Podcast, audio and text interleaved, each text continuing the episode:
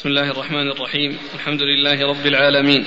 الصلاة والسلام على عبد الله ورسوله نبينا محمد وعلى آله وصحبه أجمعين. أما بعد قال الإمام أبو داود السجستاني رحمه الله تعالى باب ما جاء في العزل قال حدثنا إسحاق بن, إسحاق بن إسماعيل الطالقاني قال حدثنا سفيان عن ابن أبي نجيح عن مجاهد عن قزعة عن أبي سعيد رضي الله عنه ذكر ذلك عند النبي صلى الله عليه وآله وسلم يعني العزل. فقال قال فلما يفعل فلما يفعل أحدكم؟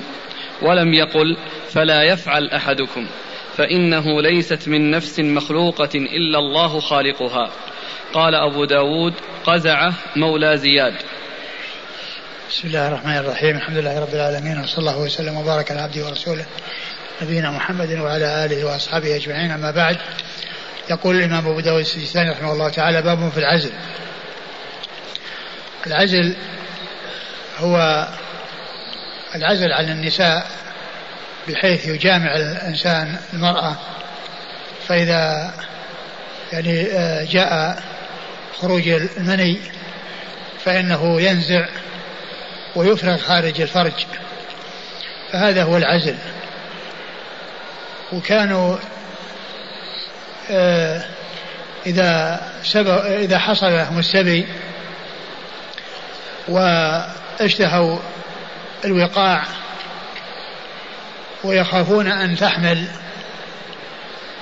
الأمة بسبب الوقاع فتكون أم ولد لا يتمكن من بيعها فكانوا يعزلون حتى لا يحصل الحمل الذي تكون به الأمة أم ولد. لا يتمكن من بيعها وتعتق عليه بعد موته. والعزل جاء في السنة ما يدل على أنه سائغ وأنه لا بأس به. قد ثبت في الصحيحين من حديث أبي سعيد رضي الله عنه قال كنا نعزل والقرآن ينزل لو كان شيئا ينهى عنه لنهانا عنه القرآن. والعزل من الأمة لا بأس به. وأما من الحرة فإنه لا بد من إذنها لأن لها حق في الجماع ولها حق في تحصيل الولد. وكذلك الأمة المزوجة لا يعزل عنها إلا بإذن أهلها وبإذن مواليها. لأن الحق لهم في ذلك ولأن الولد يكون تابعا للأم في الرق فإذنهم معتبر في ذلك. وعلى هذا فالأمة أمة الرجل له أن يعزل عنها والأمة المزوجة ليس لزوجها أن يعزل عنها إلا بإذن أهلها والحرة لا يعزل عنها إلا بإذنها وبموافقتها. أورد أبو داود حديث أبي سعيد الخدري رضي الله عنه أنه ذكر عند النبي صلى الله عليه وسلم العزل فقال ولما يفعل أحدكم ذلك؟ ولم يقل لا يفعل أحدكم ذلك. يعني سأل قال لماذا يفعلون؟ يعني يريدون أن لا يحصل الحمل؟ ما من نفس كتب الله عز وجل أن آه، إيش لفظ الحديث؟ ما, ما من نفس. فإنه ليست من نفس مخلوقة إلا الله خالقها. فإنه ليست من نفس مخلوقة إلا الله خالقها. يعني ما من نفس كتب الله عز وجل وقدر وقضى أنها توجد إلا ولا بد وأن توجد. الشيء الذي قدره الله لا بد وأن يوجد. ما شاء الله كان وما لم يشاء لم يكن. ما شاء الله كان الذي شاء الله لا بد أن يكون الذي كتب الله أن يكون يكون. الذي كتب الله تعالى أن يكون فإنه لا بد أن يكون. ما من نفس مخلوقة إلا الله تعالى خالقها. يعني ما من نفس مخلوقة يعني قدر الله تعالى خلقها إلا الله تعالى خالقها بأن يوجدها وأن آه، يحصل ذلك الشيء الذي قدر الله عز وجل أن يكون. لأن كل شيء مقدر لا بد وأن يوجد. كل شيء قدر الله تعالى أن يكون لا بد وأن يكون. واعلم أن الأمة لو اجتمعوا على أن ينفعوك لم ينفعوك إلا بشيء قد كتبه الله لك. ولو اجتمعوا على أن يضروك لم يضروك إلا بشيء قد كتب الله عليك. رفعت الأقلام وجفت الصحف. ثم يعني آه، هذا هذا الذي آه، بين النبي صلى الله عليه وسلم أنهم آه، أن العزل يعني وهم يريدون من ورائه عدم الحمل إذا كان الله قدر أن يوجد الحمل فإنه يوجد ولو وجد العزل وذلك بأن يعني ينطلق قطرة يعني مع حرصه على أن لا يخرج شيء فيكون منها الحمل. ولهذا جاء في صحيح مسلم ليس من كل المني يكون الولد. وهو معناه أن الحمل ما يأتي إلا من جملة من جميع المني. وإنما قطرة واحدة من المني ونقطة يسيرة يكون بها الحمل.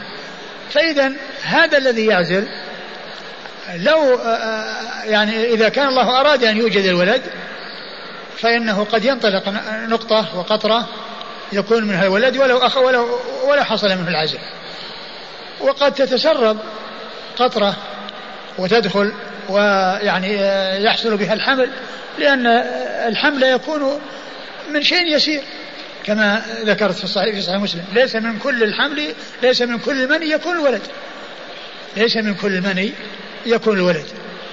وعلى هذا فإن العزل يعني آه، آه، جاء ما يدل يعني عليه وأن الشيء الذي يريدونه من وراء العزل يعني لا يرد ما قدره الله وقضاه فقد يوجد العزل ومع ذلك يوجد الولد.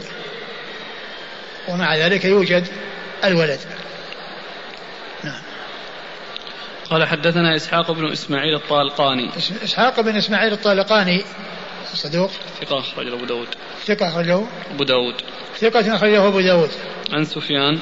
عن سفيان بن عيينة المكي ثقة أخرجه أصحاب كتب الستة. عن ابن أبي نجيح. عن ابن أبي نجيح هو عبد الله بن أبي نجيح المكي ثقة أخرجه أصحاب كتب الستة. عن مجاهد. عن مجاهد بن جبر المكي ثقة أخرج له أصحاب كتب الستة. عن قزعة. عن قزعة مولى زياد وهو ثقة أخرج له أخرج له أصحاب الكتب. وهو ثقة أخرج له أصحاب كتب الستة. عن أبي سعيد. عن أبي سعيد الخدري هو سعد بن مالك ابن سنان الخدري صاحب رسول الله صلى الله عليه وسلم مشهور بنسبته وكنيته مشهور بكنية أبي سعيد وبنسبته الخدري وهو أحد السبعة المعروفين بكثرة الحديث عن النبي صلى الله عليه وسلم.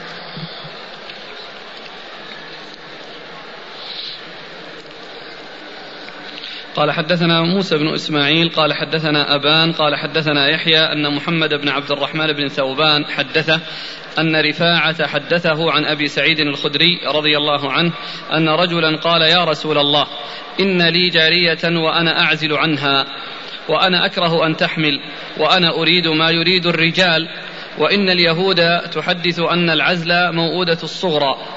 قال كذبت يهود. لو أراد الله أن يخلقه ما استطعت أن تصرفه. ثم أورد أبو داود حديث أبي سعيد الخدري رضي الله عنه أن رجلا جاء إلى النبي صلى الله عليه وسلم وقال إن لي جارية وإني أعزل عنها وأنني أخاف أن تحمل. يعني يعزل عنها لئلا تحمل يخشى أن تحمل لأنها إذا حملت صارت أم ولد. فيفوت عليه بيعها أو التصرف فيها بالبيع. وإن اليهود يقولون أنها, أن أن أن أنها الموؤودة الصغرى. فقال فقال كذبت يهود. إذا لو أراد الله أن يخلقه ما استطعت أن تصرفه. لو أراد الله أن يخلقه ما استطعت أن تصرفه. يعني إذا كان الله عز وجل أراد أن يخلقه لا يستطيع أحد أن يصرف ما قدره الله عز وجل وأراده. لأنه ما شاء الله كان وما لم يشاء لم يكن. ويقول الشاعر فما شئت كان وإن لم أشأ وما شئت إن لم تشأ لم يكن وما شئت إن لم تشأ لم يكن. فالشيء الذي قدر وكتب لا سبيل إلى رده. إذا قدر وجوده لا سبيل إلى رده. لا يستطيع الإنسان يصرفه. لا يستطيع الإنسان يصرفه. وقولهم أنها الموؤودة الصغرى يعني أن لأنهم يقصدون بذلك أنه لما انعقد السبب وهو يعني الجماع الذي هو سبب وجود الولد ثم إنه عزل من أجل آه، آه، يعني آه، عدم حصول الولد ولا يحصل ولد يكون يعني كأنه قضي عليه بعد أن انعقد سببه. ولكن هذا ليس ليس بصحيح لأن إنه قد يوجد السبب ولا يوجد المسبب. والوعد إنما هو وعد يعني البنت الحية بأن يعني يدفنها وهي حية ويتخلص منها. هذه الموؤودة التي كانوا يفعلونها في الجاهلية وجاء القرآن بها وإذا الموؤودة سئلت بأي ذنب قتلت فالرسول صلى الله عليه وسلم أكذبهم وقال إن الله عز وجل إذا أراد الله أن يخلق الولد فإنه لا أحد يستطيع أن يصرف وأن يمنع وأن, وأن يحول بين وجود ذلك الشيء الذي قدره الله عز وجل. لأن لأنه ما شاء الله كان وما لم يشاء لم يكن. كل شيء شاء الله لا بد من وجوده. وكل شيء لم يشأه الله لا سبيل إلى وجوده وكل شيء لم يشأه الله لا سبيل إلى وجوده قال حدثنا موسى بن إسماعيل موسى بن إسماعيل التبوذكي البصري ثقة أخرجه أصحاب كتب الستة. عن, عن أبان. عن أبان عن أبان وهو بن يزيد العطار وهو ثقة أخرجه أصحاب كتب الستة. إلا ابن ماجه. إلا ابن ماجه. عن يحيى عن يحيى بن أبي كثير اليمامي ثقة اخرجه أصحاب كتب الستة. عن محمد بن عبد الرحمن بن ثوبان. عن محمد بن عبد الرحمن بن ثوبان ثقة اخرجه أصحاب كتب الستة. عن رفاعة. عن رفاعة وهو مقبول أخرج له أبو داود وهو مقبول أخرج له أبو داود عن أبي سعيد عن أبي سعيد الخدري رضي الله عنه وقد مر ذكره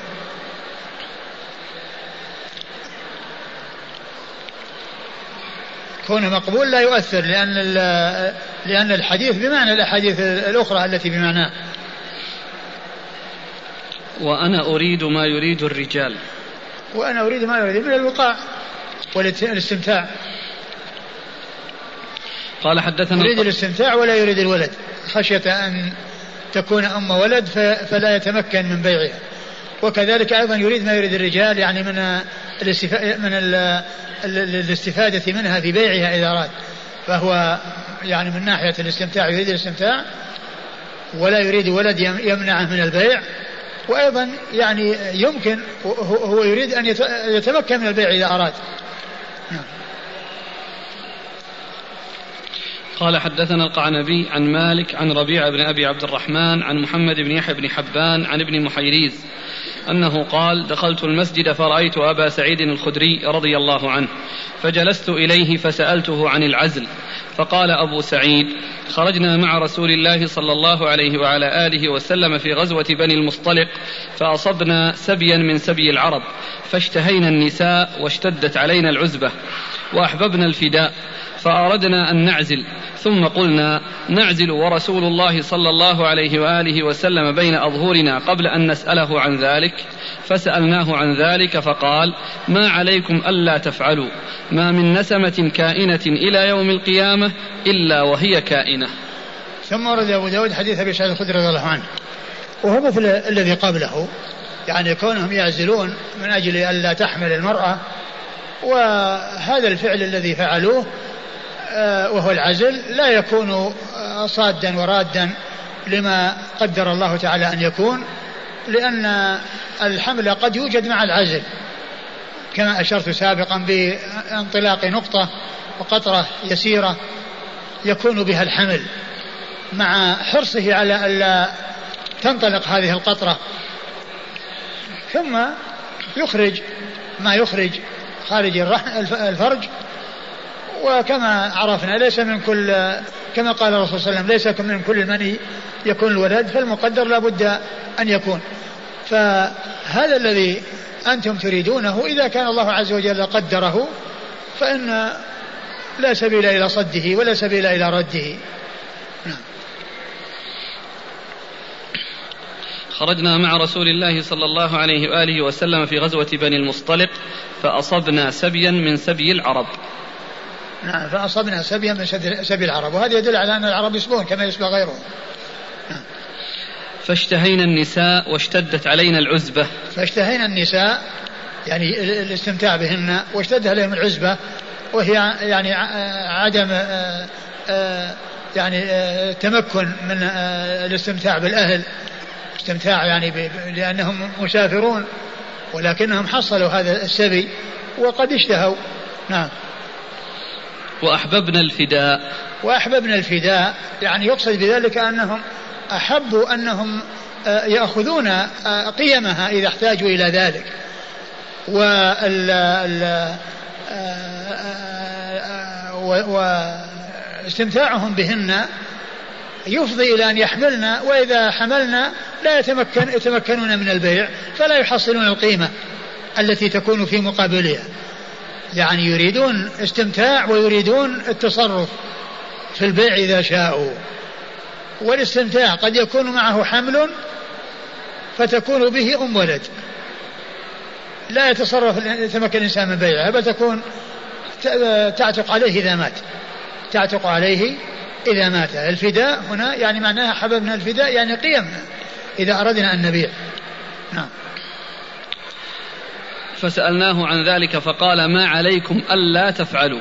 ما عليكم ألا تفعلوا. يعني هذا فعلكم الذي تفعلونه من أجل أنه لا يحصل حمل. هذا يعني لا يرد الشيء الذي قدره الله عز وجل. لأنه إذا قدر الله أن يكون فإنه لا بد وأن يكون. قال حدثنا القعنبي. القعنبي عبد الله بن مسلمة بن قعنب ثقة أخرجه أصحاب كتب الستة إلا ابن ماجه. عن مالك. عن مالك بن أنس إمام دار الهجرة الفقيه المحدث الإمام المشهور أحد أصحاب المذاهب الأربعة المشهورة من مذاهب أهل السنة وحديثه أخرجه أصحاب الكتب الستة.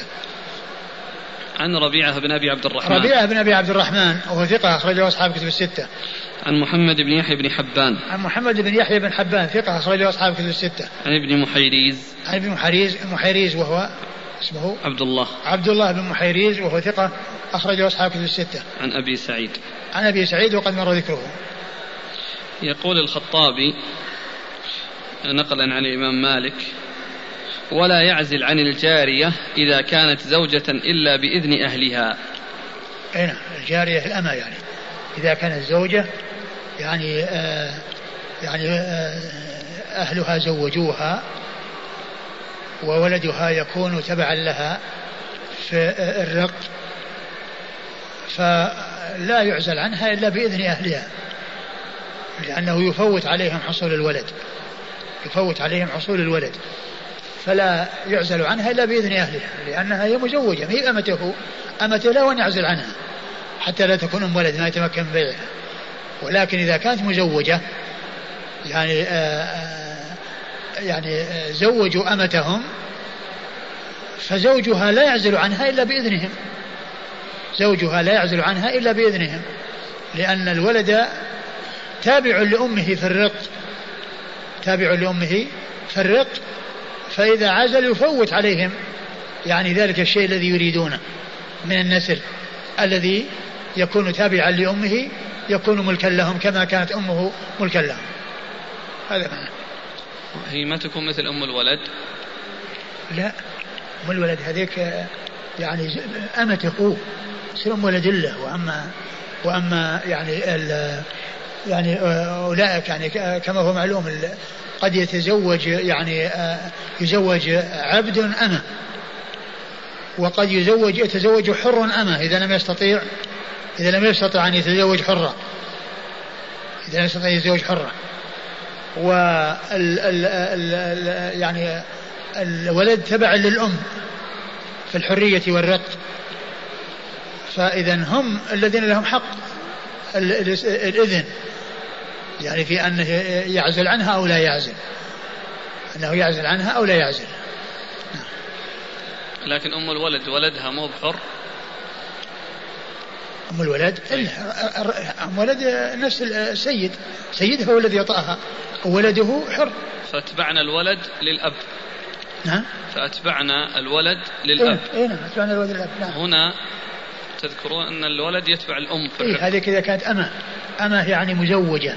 هذه مي مزوجة. هذه ينكح على أنها سرية مي بزوجة. هذه اللي هي أم ولد. أي هم الولد ينكح على أنها سرية مي زوجة. وأما هذاك زوجة. أقول المسألة الثانية هذه على أنها زوجة. والله أقول في القياس والعقل أن هذه أولى. لأن هذه زوجة ومع ذلك ابنه من زوجته الجارية يصبح عبد. وتلك سريته كيف ابنه ابنه؟ تزوج حر جارية. نعم. فولدت له ولدا قلتم يصبح عبد تبعا لأمه. نعم. إلا إذا اشترط إلا إذا اشترط الحرية. يعني الزوج. الحر. إذا اشترط الحرية فإنه يكون حرام يكون حر. وأما, وأما إذا لم يشترط فهم تبع لأمه. وأما إذا الحر تسرى بأمته فولده حر. طيب ولد حر. وأقول يعني التفريق بين المسألتين سبحان الله كأن الثاني الأولى اللي هي الزواج أصلا الزواج يعني كما هو معلوم آه، ما حصل التزويج إلا من أجل الضرورة بالنسبة للحر. نعم. وإذا لم يشترط أن الأولاد يكونون أحرار تبعا له فإنهم يكونون تبعا لأمهم. يكونون تبعا لأمهم مملوكين كما أن أمهم مملوكة. وكونه يعني يعزل عنها مع أنهم حق لهم حق الملكية للنسل يعني يفوت عليهم هذا الشيء الذي هو من حقهم. فإذا آه، الإذن يرجع إليهم. يعني بإذنهم إذا أذنوا له أن يعزل يعزل.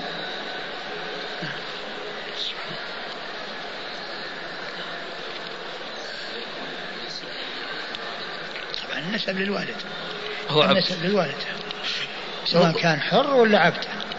سواء كان الأب يعني حر أو عبد. وسواء كان أبوه يعني هو سيد يعني أمه بمعنى أن أمه سرية. وبالنسبة للزوجة في الحالتين سواء كان الزوج حر أو الزوج آه، عبد مثلها النسب للوالد. أقول النسب للوالد في جميع الأحوال الثلاث. هذه المسألة يا شيخ متفق عليها. وين؟ مسألة أنه الحر إذا تزوج أمة فإن الولد يتبع لأمه في الرق. والله هذا هو الأصل. والله ما أعرف إلا إذا اشترط. إذا اشترط فإنهم قالوا يعتبر الشرط. أقول يعتبر الشرط. وأما إذا لم يشترط فإنه تابع للأم. قاعدة. يعني ال ال ال هذا يتبع أمه. ويتبع خير أبويه في الإسلام في الدين. يعني إذا كانت أمه مسلمة يعني يتبعه وإذا كانت أبوه مسلم يتبع أباه في الإسلام. وأما بالنسبة للرق يتبع أمه. إلا إذا تزوجها حرا واشترط حرية الولد. ونضيف استثناء ثاني اللي هي أم الولد الآن. ما تبع أمه؟ الآن القاعدة أن الولد يتبع الأم في الرق والحرية. هذا يعني في الرق والحرية يعني الإنسان ما يمكن ما يملك أن يملك ولده.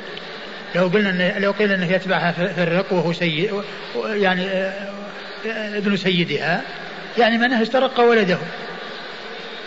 أقول استرق ولده وليس لا يسترق ولده كما عرفنا في الحديث الذي راه يعني كيف يحل وهو لا يستخدمه ولا يحل له ويورثه ولا يحل له. بمعنى أنه يعني يسترق ابنه وهذا لا يجوز.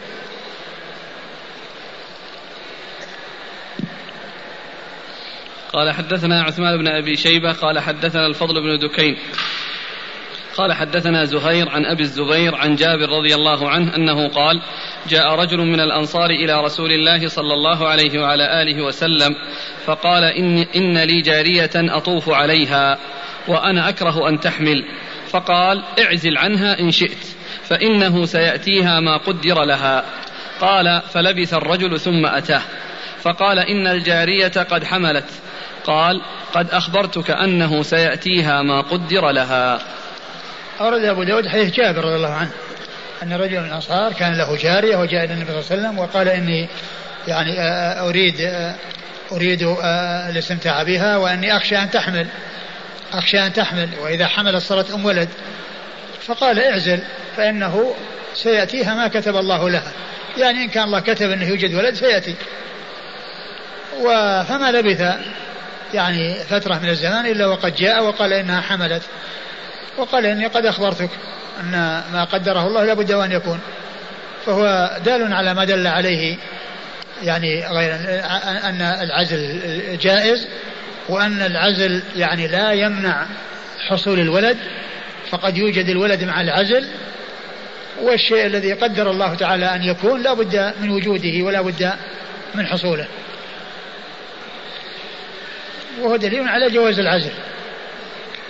وكذلك يعني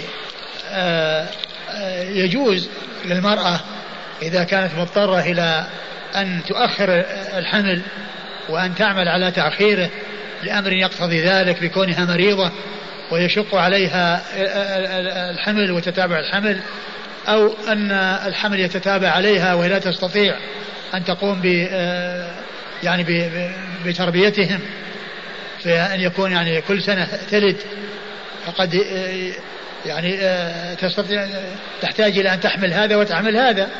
يعني قد تلد وهذا ما يستطيع يمشي. فلا تستطيع أن تحملهم. فكونها يعني تتخذ الشيء الذي يؤخر الحمل يعني شيء يسير لا يقطعه وإنما يؤخره لمدة يسيرة حتى تتمكن من آه من آه آه تربيتهم أو أنها أيضا كذلك تتابع الحمل يضر عليها في جسمها. وفي يعني صحتها لا بأس بذلك. أقول لا مانع منه اتخاذ يعني شيء يؤخر الحمل وإنما الذي لا يجوز هو تحديده أو قطعه. يعني بأن يحدد يقول أنا أريد يعني كذا وكذا وبعد ذلك لا أريد شيئا. أو يعني يقطع النسل أو يعمل على قطعه. هذا هو الذي لا يجوز.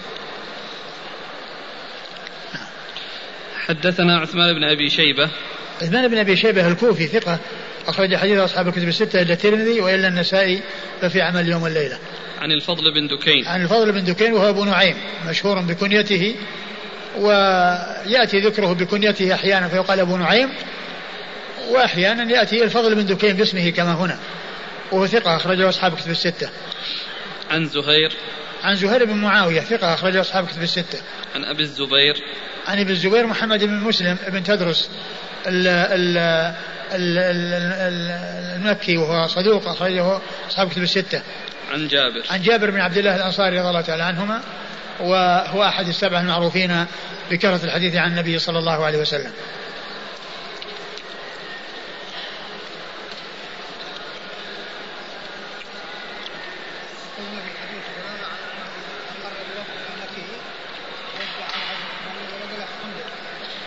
اي نعم الحكم للفراش. لن يدري الاستبرة بأنها يعني من حاضت بعد أن وطأها. يعني وطئها ثم حاضت فيكون رحمها قد برئ فيعني يكون الحمل يعني بعد ذلك ليس له.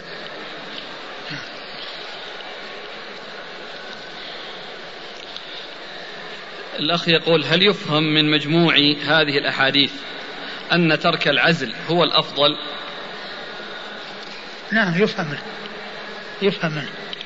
أنه هو الأولى لأنه لا يرد ما قدره الله وقضاه أقول لا يرد ما قدره الله وقضاه هو هو جائز. يقول وهل يجوز منع الحمل باتخاذ الحبوب خشية النفقة؟ لا لا ما يجوز هذا. أقول ما يجوز. يعني يكون يعني خشية الفقر ليس الإنسان لأن الله عز وجل هو الذي يرزق وقد يكون وجودهم وحصولهم سببا في تحصيل الرزق وتوفيق الله عز وجل للرزق.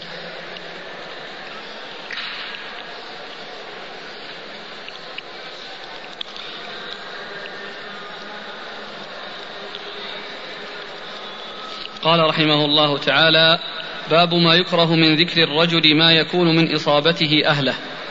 قال حدثنا مسدد قال حدثنا بشر قال حدثنا الجريري. قال حاء وحدثنا مؤمل قال حدثنا إسماعيل. قال حاء وحدثنا موسى قال حدثنا حماد كلهم عن الجريري. عن أبي نضرة قال حدثني شيخ من طفاوة. قال تثويت أبا هريرة بالمدينة. تثويت أبا هريرة رضي الله عنه بالمدينة فلم أرى رجلا من أصحاب النبي صلى الله عليه وعلى آله وسلم أشد تشميرا ولا أقوم على ضيف منه. فبينما أنا عنده يوما وهو على سرير له ومعه كيس فيه حصى أو نوى وأسفل منه جارية له سوداء وهو يسبح بها حتى إذا أنفد ما في الكيس ألقاه إليها فجمعته فأعادته في الكيس فدفعته إليه. فقال ألا أحدثك عني وعن رسول الله صلى الله عليه وعلى آله وسلم? قال قلت بلى. قال بين أنا أوعك في المسجد إذ جاء رسول الله صلى الله عليه وعلى آله وسلم حتى دخل المسجد. فقال من أحس الفتى الدوسي؟ ثلاث مرات. فقال رجل يا رسول الله هو ذا يوعك في جانب المسجد. فأقبل يمشي حتى انتهى إلي فوضع يده علي فقال لي معروفا فنهضت فانطلقت فانطلق يمشي حتى أتى مقامه الذي يصلي فيه فأقبل عليهم ومعه صفان من رجال وصف من نساء أو صفان من نساء وصف من رجال فقال إن الثاني الشيطان إن الثاني الشيطان شيئا من صلاتي فليسبح القوم وليصفق النساء. قال فصلى رسول الله صلى الله عليه وعلى آله وسلم ولم ينس من صلاته شيئا. فقال مجالسكم مجالسكم. زاد موسى ها زاد موسى ها هنا. ثم حمد الله تعالى وأثنى عليه. ثم قال أما بعد. ثم اتفقوا. ثم أقبل على الرجال فقال هل منكم الرجل إذا أتى أهله فأغلق عليه بابه وألقى عليه ستره واستتر بستر الله؟ قالوا نعم. قال ثم يجلس بعد ذلك فيقول فعلت كذا فعلت كذا. قال فسكتوا.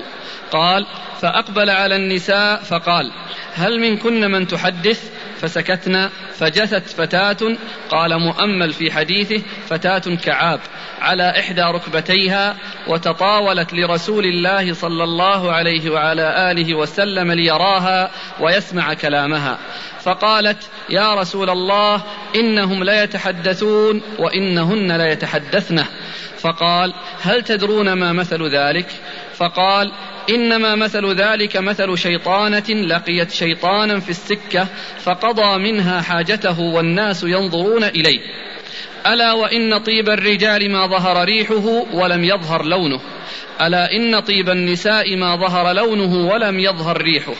قال أبو داود ومنها هنا حفظته عن مؤمل وموسى. ألا لا يفضين رجل إلى رجل ولا امرأة إلى امرأة. إلا إلى ولد أو والد وذكر ثالثة فأنسيتها. وهو في حديث مسدد ولكني لم أتقنه كما أحب. وقال موسى حدثنا حماد عن الجريري عن أبي نضرة عن الطفاوي. ثم ورد أبو داود هذه الترجمة وهي باب في باب ما يكره من ذكر الرجل ما يكون من إصابته أهله. باب ما يكره من ذكر الرجل ما يكون من إصابته ما أهله. يكون من إصابته أهله. يعني كونه يتحدث بما يجري بينه وبين أهله من الجماع وعند الجماع. يعني هذا هو المقصود من الترجمة. يعني كونه يعني الإنسان لا يتحدث بما يجري بينه وبين أهله. لا يخبر يعني بما يرى منها ولا تخبر بما ترى منه. وإنما الواجب هو الإمساك عن ذلك وعدم التعرض له بأي حال من الأحوال. أورد أبو داود في هذه الترجمة حديثا ضعيفا فيه رجل مجهول الذي هو الطفاوي أو رجل من طفاوة والحديث لا يحتج به ولكن فيه بعض الأشياء جاءت يعني في بعض الأحاديث الصحيحة مثل قضية التصفيق للرجال تسبيح الرجال وتصفيق للنساء قضية طيب النساء وطيب الرجال يعني جاء ما يدل عليه ولكن الحديث نفسه يعني فيه هذا الرجل مجهول فالشيء الذي لم يكن ثابتا من وجوه أخرى غير هذا الحديث فإنه وإنما جاءت في هذا الحديث وحده فإنه لا يعول عليها ولا يحتج بما جاء فيه لحصول الجهالة التي في أحد رواته. أول أول الحديث يقول قال قال قال أبو نضرة حدثني شيخ من طفاوة. قال, أبو نضرة حدثني شيخ من طفاوة. قال تثويت أبا هريرة. يعني إني, إني ثويت عنده أو استضفته أو صرت ضيفا عنده. يعني آه، ثوى, ثوى عنده يعني كان ضيفا عنده. تثويت يعني استضفت وصرت ضيفا عنده في ليلة من الليالي. نعم. تثويت أبا هريرة بالمدينة فلم أرى رجلا من أصحاب النبي صلى الله عليه وعلى آله وسلم أشد تشميرا ولا أقوم على ضيف منه. لأن هذا إخبار عن المشاهدة والمعاينة. لما صار ضيفا عنده فكان يراه يعني مشمر يعني في العبادة. يعني عنده تشمير في العبادة. و وأيضا آه، إكرام للضيف وخدمة للضيف وسعي على الإحسان إلى الضيف ولا إيش؟ ما رأى فلم أرى رجلا من أصحاب النبي صلى الله عليه وآله وسلم أشد تشميرا ولا أقوم على ضيف منه. نعم أشد تشميرا في العبادة ولا أقوم على ضيف منه يعني يقوم على الضيف في خدمته ويعني الإحسان إليه وما إلى ذلك. نعم. فبينما أنا عنده يوما وهو على سرير له ومعه كيس فيه حصى أو نوى وأسفل منه جارية له سوداء وهو يسبح بها حتى إذا أنفد ما في الكيس ألقاه إليها فجمعته فأعادته في الكيس فدفعته إليه. وكان على سرير ومعه كيس فيه حصى وكان يعني يأخذ من هذا الكيس ويسبح. ويرمي الحصى ثم بعد ذلك رمى بالكيس عليها فجمعت الحصى وجعلته الكيس وعادته إليه يعني ليسبح يسبح به فيما بعد. وكما هو معلوم ما ثبت شيء يعني في السنة في التسبيح بالحصى أو التسبيح بالنوى أو ما إلى ذلك. والذي ورد في هذا الحديث يعني كما هو معلوم ضعيف لأنه ما جاء إلا بهذا الإسناد الضعيف ولم يثبت عن النبي صلى الله عليه وسلم شيء يدل على التسبيح بالحصى. لا يعني من فعله ولا من إقراره ولا من فعل أصحابه وإقراره لهم صلى الله عليه وسلم. فإذا هذا الذي جاء في الحديث لا يحتج به لأن الحديث ضعيف لأن الحديث ضعيف. وسبق أن مر بنا حديث أيضا يعني ضعيف يعني في هذا الباب وفي هذا الموضوع الذي هو التسبيح بالحصى أيوه. نعم. هنا مسألة السبحة المنتشرة. السبحة يعني كما هو معلوم يعني التسبيح بها مثل التسبيح بالحصى وما جاء شيء يدل عليه فمن أهل العلم من يقول أنها بدعة. وأقل أحوالها أن يقال أنها خلاف الأولى. فلا ينبغي للإنسان أن يستعملها وإنما يسبح بأصابعه كما كان النبي صلى الله عليه وسلم يسبح بأصابعه. وفيه أو في استعمالها محذور من جهة أخرى وهي أن الإنسان تكون بيده السبحة وهو يحركها ساهيا لاهيا ومن يراه يظن أنه يسبح فيحمد بما لم يفعل فيكون بذلك يحمد بما لم يفعل وهو لا يسبح وإنما كان ساهي ويحركها كالعادة عندما يسبح بها فيظن من يفعل وهو غير مسبح أنه يسبح. فيكون محمودا بما لم يفعل. فاللائق بالمسلم أن لا يفعلها وأن لا يستعملها وإنما يسبح بما كان رسول الله صلى الله عليه وسلم يسبح.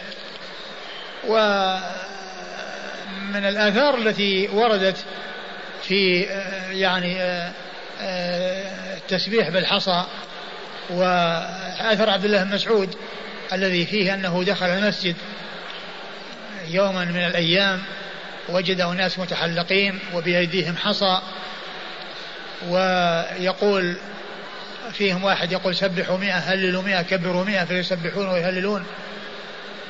فوقف على رؤوسهم وقال يا هؤلاء ما هذا ما هذا يا هؤلاء؟ إما أن تكونوا على طريقة أهدى مما كان عليه أصحاب رسول الله صلى الله عليه وسلم أو أنكم مفتتحوا باب ضلالة. قالوا يا أبا سبحان الله يا أبا عبد الرحمن ما أردنا إلا الخير. يعني في عملنا هذا. قصدنا طيب. فقال وكم من مريد للخير لم يصبه. وكم من مريد للخير لم يصبه. هذا أثر ثابت عن عبد الله بن مسعود. وأنكر عليهم هذا الفعل. يعني كونهم يسبحون تسبيحا جماعيا ويكون بالحصى كل ذلك خلاف السنة.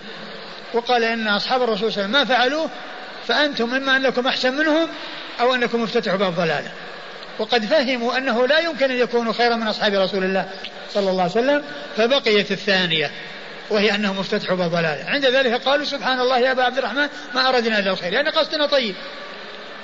فقال وكم من مريد للخير لم يصبه ثم قال عدوا سيئاتكم فأنا ضامن لا يضيع من حسناتكم شيء. يعني عدوا سيئاتكم يعني الإنسان يفعل أمرا هو خلاف السنة فيعاقب عليه. وكون الإنسان يفعل هذا الفعل ليحصي هذا الشيء بهذه الطريقة الله عز وجل يحصي ولا يخفى عليه خافية. والإنسان إذا سبح بدون هذا بدون بدون حصى وبدون أن يعد يعني في شيء يعني لا يشرع له عده لا يضيع عند الله عز وجل يسبح ما شاء بدون أن يعد. والله تعالى يأجره. على تسبيحه وتهليله وذكره لله سبحانه وتعالى. نعم. فقال ألا أحدثك عني وعن رسول الله صلى الله عليه وعلى آله وسلم؟ قال قلت بلى. قال فبين أنا أوعك في المسجد إذ جاء رسول الله صلى الله عليه وآله وسلم حتى دخل المسجد فقال من أحس الفتى الدوسي؟ ثلاث مرات. فقال رجل يا رسول الله هو ذا يوعك في جانب المسجد. فأقبل يمشي حتى انتهى إلي فوضع يده علي فقال لي معروفا. فنهضت فانطلق يمشي حتى أتى مقامه, مقامه الذي يصلي فيه. آه، أبو هريرة رضي الله عنه قال لضيفه الطفاوي هذا الذي المجهول آه، ألا أحدثك يعني آه، حديثا أو مما كان عني وعن رسول الله صلى الله عليه وسلم فقلت بلى. قال إني كنت في المسجد يعني أوعك يعني يعني فيه ألم وفيه مرض فكان يعني يوعك بسبب هذا المرض. فالنبي صلى الله عليه وسلم جاء إلى المسجد وقال من أحس الفتى الدوسي يعني أبا هريرة يسأل عنه. وكان المسجد فيه جماعة فقال له رجل منهم هو ذاك يوعك.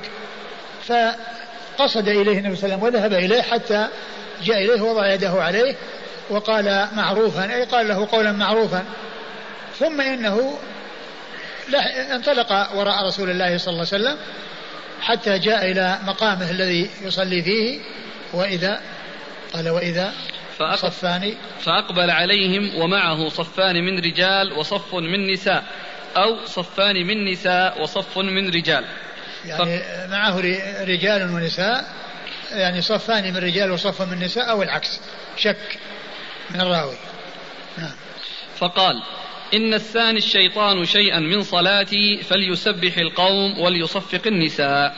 فقال إن الثاني الشيطان شيئا من صلاتي فليسبح القوم. وهنا يعني قابل بين القوم وبين النساء فيكون مقصود بالقوم الرجال. فيكون مقصود بالقوم الرجال. وهذا كما جاء في القرآن. يا أيها الذين آمنوا لا يسخر قوم من قوم عسى أن يكونوا خيرا منهم ولا نساء من نساء. فمقابلة القوم بالنساء يدل على المقصود به الرجال. يدل على المقصود به الرجال. وهنا في الحديث ذكر القوم وفي مقابله النساء. فإذا يكون المقصود به الرجال.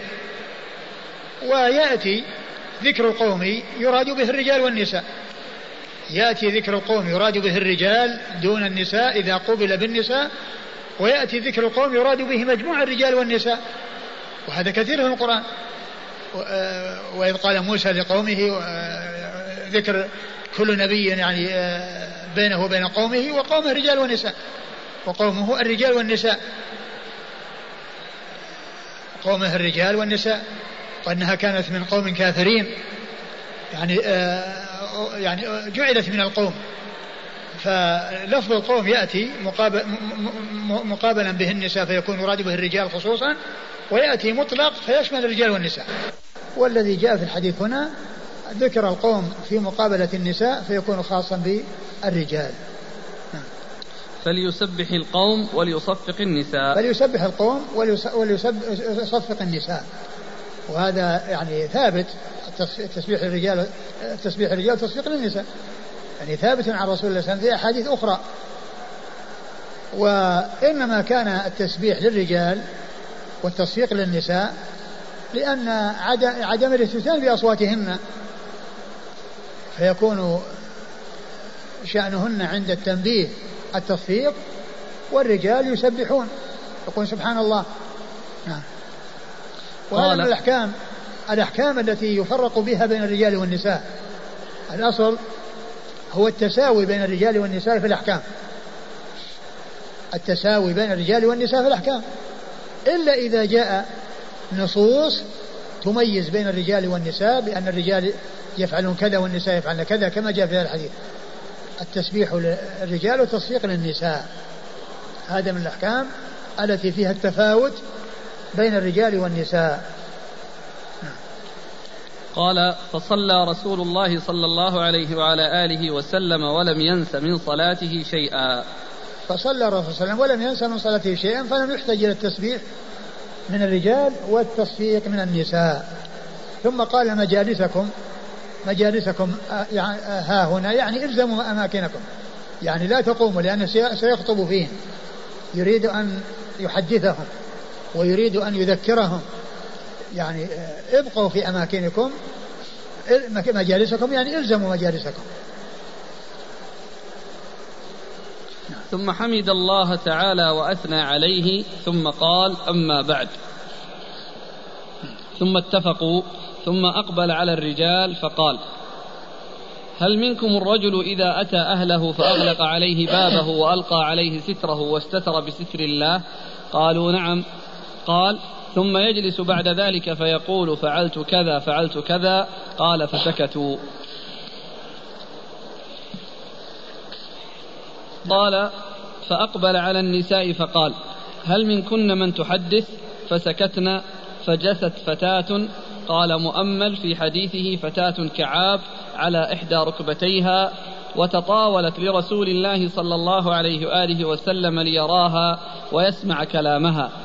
فقالت يا رسول الله إنهم لا يتحدثونه وإنهن لا يتحدثنه. ثم الرسول صلى الله عليه وسلم لما قال مكان مجالسكم حمد الله وأثنى عليه ثم قال أما بعد. وخاطب الرجال يعني هل منكم يعني من يكون إذا كان مع أهله ويعني آه، آه، أغلق الباب واستتر بستر الله عز وجل يعني يتحدث فيقول فعلت مع أهلي كذا وعملت مع أهلي كذا ثم أقبل على النساء وقال هل منكن يعني من يفعل كذا وكذا؟ فسكتوا فقامت آه، آه، فتاة كعاب يعني كاعب يعني صغيرة ف آه، يعني على ركبتيها قامت حتى يراها وتطاولت إن كنا جالسات فهي صارت على ركبتيها حتى ترتفع. ويراها الرسول فقالت إنهم لا يتحدثون وإنهن لا يتحدثن. يعني هذا الذي سألت عنه موجود عند الرجال وموجود عند النساء. موجود عند الرجال وعند النساء. فقال أتدرون ما مثل ذلك؟ نعم. فقال إنما مثل إنما مثل ذلك مثل شيطانة لقيت شيطانا في السكة فقضى منها حاجته والناس ينظرون إليه. فقال إنما مثل ذلك؟ يعني مثل شيطان لقي شيطانا في السكة يعني في الطريق فقضى حاجته والناس ينظرون إليه يعني يفضح نفسه. يعني الله تعالى ستره ولم يطلع عليه إلا الله عز وجل فهو يتحدث ويخبر بالذي حصل كهذا الشيطان والشيطانة الذي التقوا وصار يفعل بها في الطريق والناس ينظرون إليه. يعني كأنهم ينظرون إليه. إذا حكى لهم الشيء الذي قد حصل فكأنه كأنهم ينظرون إليه. فصار مثله مثل الشيطان الذي لقي شيطانة ففعل بها في السكة يعني في الطريق فصار الناس ينظرون إليه أو إلى فعلهم. نعم. ألا وإن طيب الرجال ما ظهر ريحه ولم يظهر لونه. ألا إن طيب النساء ما ظهر لونه ولم يظهر ريحه. نعم. ألا إن طيب الرجال ما ظهر ريحه ولم يظهر لونه. لأن الرجال يكون يظهر منهم الطيب وكونه يعني يشم منهم الطيب في الشوارع لا بأس بذلك وإنما المحذور هو النساء. طيبهن ما ظهر لونه ما ظهر لونه وخفي ريحه لأنها يعني إذا إذا ظهرت آه، للسوق أو خرجت من بيتها وهي متعطرة ويشم منها الرائحة الطيبة فإن ذلك يكون فتنة. وتجر الناس إلى نفسها وتدعوهم إلى نفسها فيترتب على ذلك مضرة. ولهذا لا يجوز للمرأة أن تخرج متعطرة وأن تخرج يعني آه، لها ريح تلفت أنظار الناس إليها لأن هذا من أسباب الفتنة ومن أسباب الشر الذي يقع بسبب ذلك. ف وهذا يعني آه، فيما إذا كان آه، خروج النساء وأما إذا كانت في الداخل فإنها تستعمل. يعني ما شاءت من الطيب مع زوجها. يعني مما ظهر ريحه ومما ظهر لونه. الأخ يستشكل يقول كيف يكون طيب للنساء بلا بلا رائحة؟ لون بلا بلا لا رائحة. فيه رائحة لكنها ما هي يعني ما هي مثل رائحة الشيء الذي الذي تنتشر الرائحة. تنتشر وتشم من مكان بعيد. يعني يرى الطيب ويعني يكون آه، يشمه من حولها ويراه أيضا ويشوف الطيب ويعني ويسر من ذلك ويعجب بذلك لأنه رأى الطيب. يعني وإن لم يكن ريحه آه، يذهب بعيدا مثل ما يذهب الطيب الذي ينتشر بخلاف هذا. قال أبو داود ومنها هنا حفظته عن مؤمل وموسى. ألا لا يفضين رجل إلى رجل ولا امرأة إلى امرأة إلا إلى ولد أو والد. وذكر ثالثة فأنسيتها. ثم قال ألا لا يفضين رجل إلى رجل ولا امرأة إلى امرأة إلا والد إلى إلا إلا إلى ولد أو والد. إلا إلى إلا إلى ولد أو والد. يعني آه لعله يقصد بذلك الأمور التي يعني آه لا بد منها بين الأقارب وهي لا تتعلق ب يعني بحال حال الجماع وما إلى ذلك وإنما يكون في الأمور التي آه آه لا يطلع عليها كل أحد وفي الأسرار الخاصة التي ليس فيها محذور وليس منها كون الإنسان يتحدث يعني مع الوالد أو الولد فيما يتعلق في أمور الجماع التي تحصل كل ذلك لا يجوز. وذكر ثالثة فأنسيتها. نعم. وهو في حديث مسدد ولكني لم أتقنه كما أحب. وقال موسى حدثنا حماد عن الجريري عن أبي نضرة عن الطفاوي. يعني أن الإسناد الذي فيه موسى بن إسماعيل وهو الطريق الثالث من الطرق الثلاث أنه ما قال شيخ من طفاوة وإنما قال الطفاوي. يعني هذا الفرق بين يعني الإسنادين لأن الإسناد الأولي الشيخين الأولين آه، الطفا رجل شيخ من طفاوة. وأما في إسناد موسى بن إسماعيل فإنه قال الطفاوي نسبة إلى طفاوة. قال حدثنا مسدد. مسدد بن مسرهد البصري ثقة أخرجه البخاري وأبو داود والترمذي والنسائي. عن بشر. عن بشر بن المفضل وهو ثقة أخرجه أصحاب كتب الستة. عن الجريري. عن الجريري هو سعيد بن إياس الجريري ثقة أخرجه أصحاب كتب الستة. قال حاء وحدثنا مؤمل. قال حاء وحدثنا مؤمل وهو بن هشام اليشكري. ثقة. نعم أخرج البخاري وأبو داود والنسائي. ثقة أخرج البخاري وأبو داود والنسائي. عن إسماعيل. عن إسماعيل بن علية إسماعيل بن إبراهيم المقسم المشهور بن علية. ثقة أخرجه أصحاب كتب الستة. قال حاء وحدثنا موسى. قال حا وحدثنا موسى بن إسماعيل آه، موسى بن إسماعيل التبوذكي مر ذكره. عن حماد. عن حماد بن سلمة مر ذكره؟ اللي مر أبان. أبان؟ أي. نعم اللي مر في الإسناد قريبا أبان. هذا حماد بن سلمة ابن دينار البصري ثقة أخرج حديث البخاري تعليقا ومسلم وأصحاب السنة. كلهم عن الجريري عن أبي نضرة.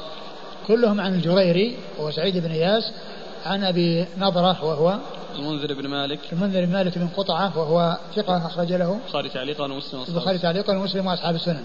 عن شيخ من طفاوة. عن شيخ من طفاوة وهو مجهول أخرجه أخرج له. هو هو مبهم ومجهول لا يعرف. لا يعرف. هو مبهم لا يعرف. ما ذكره في المبهمات عند الكنى. كان لا في ذكر في ذكر في ذاك في تلميذه شو اسمه؟ المنذر. المنذر. لا لأن أنا راجعت الكنى. أبو نضرة ما ذكر لكن لعله في الكنى. المنذر.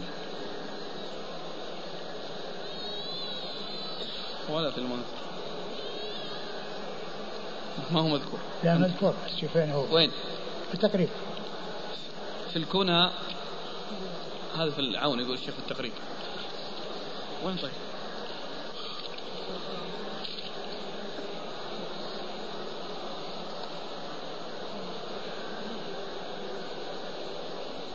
الكنى ما في شيء طيب أبو نصير وبعده أبو نعام.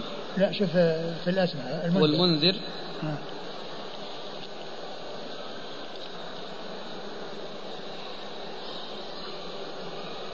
ولا في ولا في الأسماء. لأنه قال مكحول ثم بعده منصور.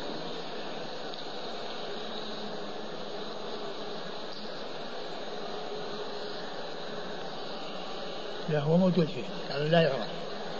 بس وين هو فيه؟ أي إذا كان في الأنساب إذا يكون. ولا ولا شوف هذا شوف تلميذه. ولا شوف الطفاوي أنا ادور على التلميذ عنه. شوف الطفاوي في الأنساب. ها؟ لا الجريري يروي عن عن أبي نضرة. لا شوف الأنساب. الطفاوي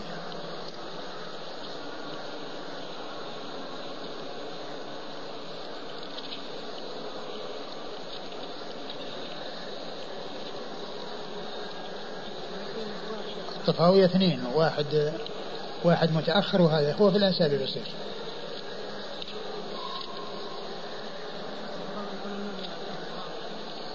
كيف؟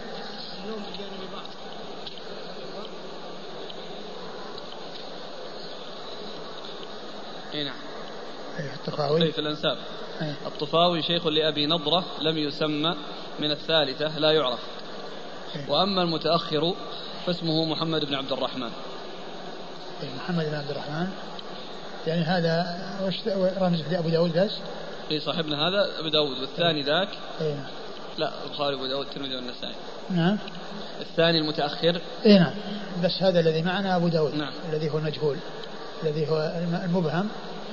يعني آه، روى له أبو داود. لا يفضي آه، إيش لا يفضي إيش؟ الحديث لا يفضي؟ ألا لا يفضين رجل إلى رجل نعم. ولا امرأة إلى امرأة. إلا إلى ولد أو والد. وهذا يحتمل أن يكون له معنى آخر وهو قضية آه، كونهم يكونون يعني في فراش واحد أو يكونون في آه، كذا وبشرة أحدهما يعني تتصل ببشرة الآخر. يعني أن ذلك لا يسوق مثل ما جاء يفرق بينهم في المضاجع بالنسبة للأولاد. يعني أنهم يعني لا يفضي بعضهم إلى بعض. والأستثناء يعني ما يستقيم أيضا. والحديث كما عرفنا هو غير ثابت عن رسول الله صلى الله عليه وسلم من جهة الرجل الطفاوي الذي فيه. وعند ال ال الإفضاء يعني الرجل الرجل أو المرأة إلى المرأة ما يكون يعني مثلا يعني بدون بدون ثوب ويتصل الجسد بالجسد أو يباشر يعني الرجل الرجل يعني بشرة الرجل بشرة الرجل وإنما عليه أن يتستر كل منهما وأن يبتعد بعضهم عن بعض وألا يلتصق بعضهم ببعض. وإذا اضطروا إلى أن يكون هناك تجاور أن يكون عليهم ثياب وأن يكون هناك شيء يحول بين أن تتصل البشرة بالبشرة. نعم. انتهى وش؟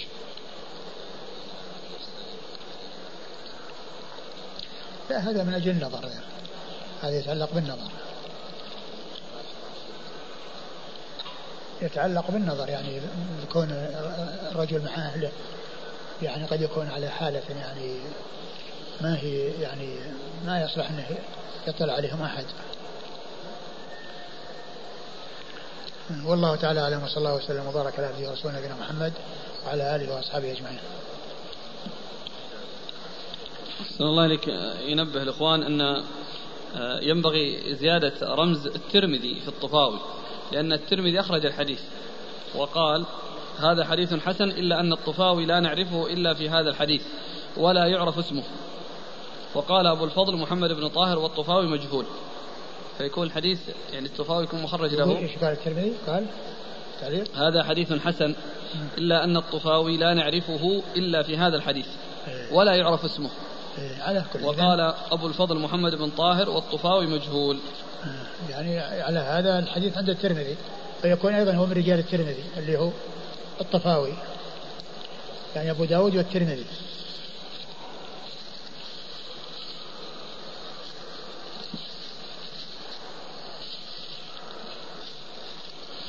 جزاكم الله خيرا. بارك الله فيكم ونفعنا الله ما قلت. إيش؟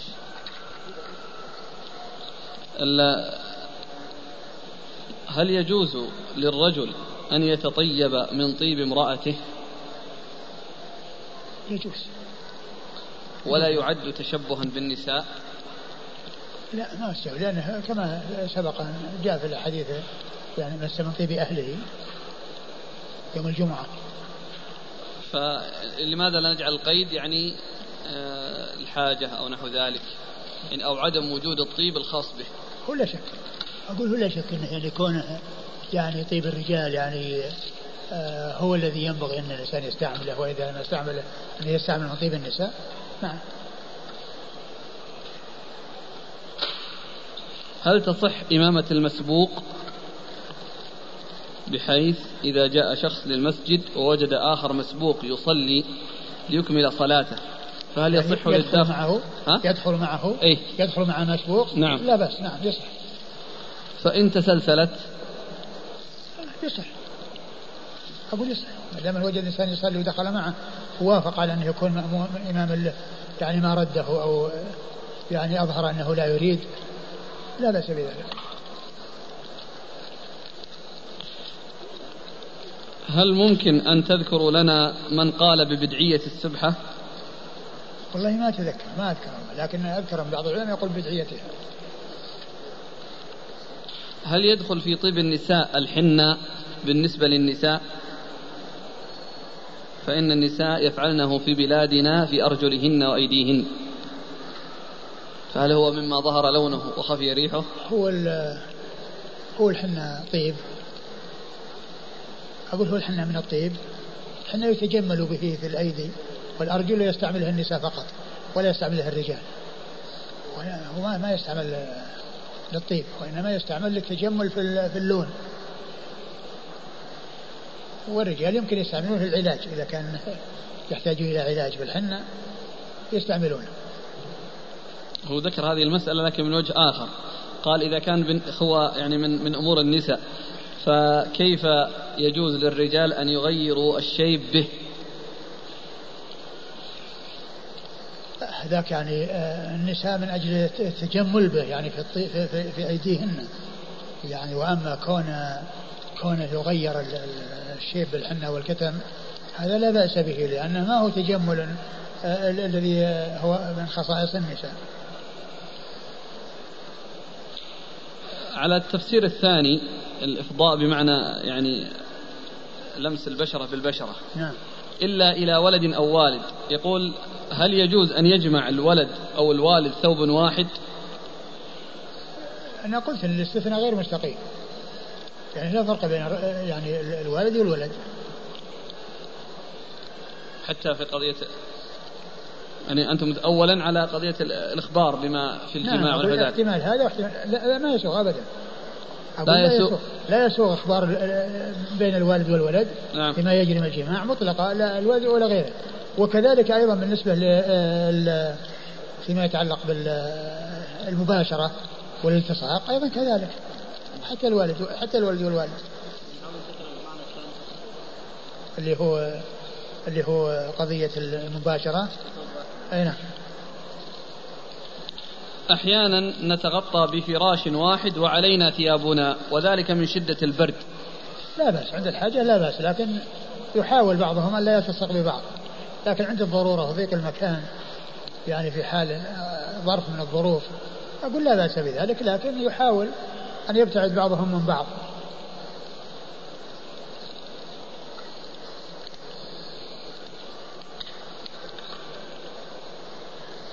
الآن مع هذه الطرق في منع الحمل من الحبوب أو غيره هل ممكن أن يقال بأنه لا يمكن حدوث حمل نهائيا بخلاف العزل؟ فإنه كما ذكرت ليس من كل المني يكون الولد. هو حتى حتى قضية ال ال الاستعمال الحبوب يعني إذا الله عز وجل شاء يعني يحصل من وراء أنها تنسى. ولا تستعمل فيحصل الولد وقد تستعمل ويحصل الولد مع أيضا مع هذه الحبوب. إذا كنت أصلي تحية المسجد فأقيمت الصلاة وأنا في السنة فمتى يجب علي قطعها ومتى لا يجب؟ إذا كان في أولها فإنه يقطعها وإذا كان في آخرها يتمها خفيفا. والله الذي يبدو أنه يعني الركعة الحد الفاصل يعني أكثر من ركعة. يعني يكون في آخرها. وأما إذا كان في الركعة الأولى فيقطعها.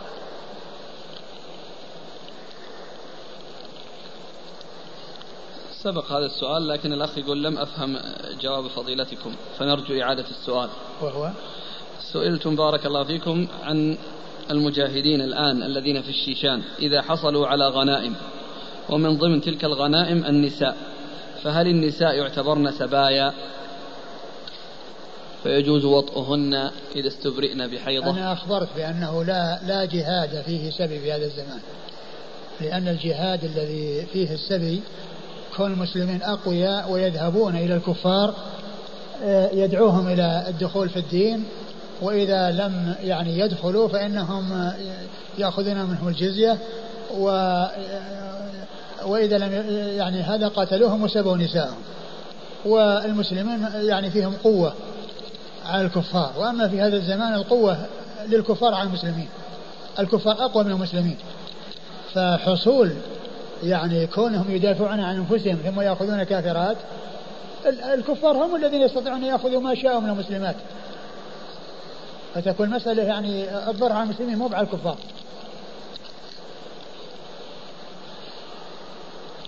رجل صلى ونوى القصر ولكن الإمام أتم ما دام انه آه، إنسان يصلي مسافر يصلي خلف إمام يتم فيجب عليه أن يتم ولا يجوز له أن يقصر ولو كان أنه القصر يعني يحسب أنه يعني يقصر فإنه يواصل معه حتى يتم. تغيير النية ما في بأس. ما يؤثر. والعكس كذلك. رجل صلى ونوى الإتمام ولكن الإمام قصر.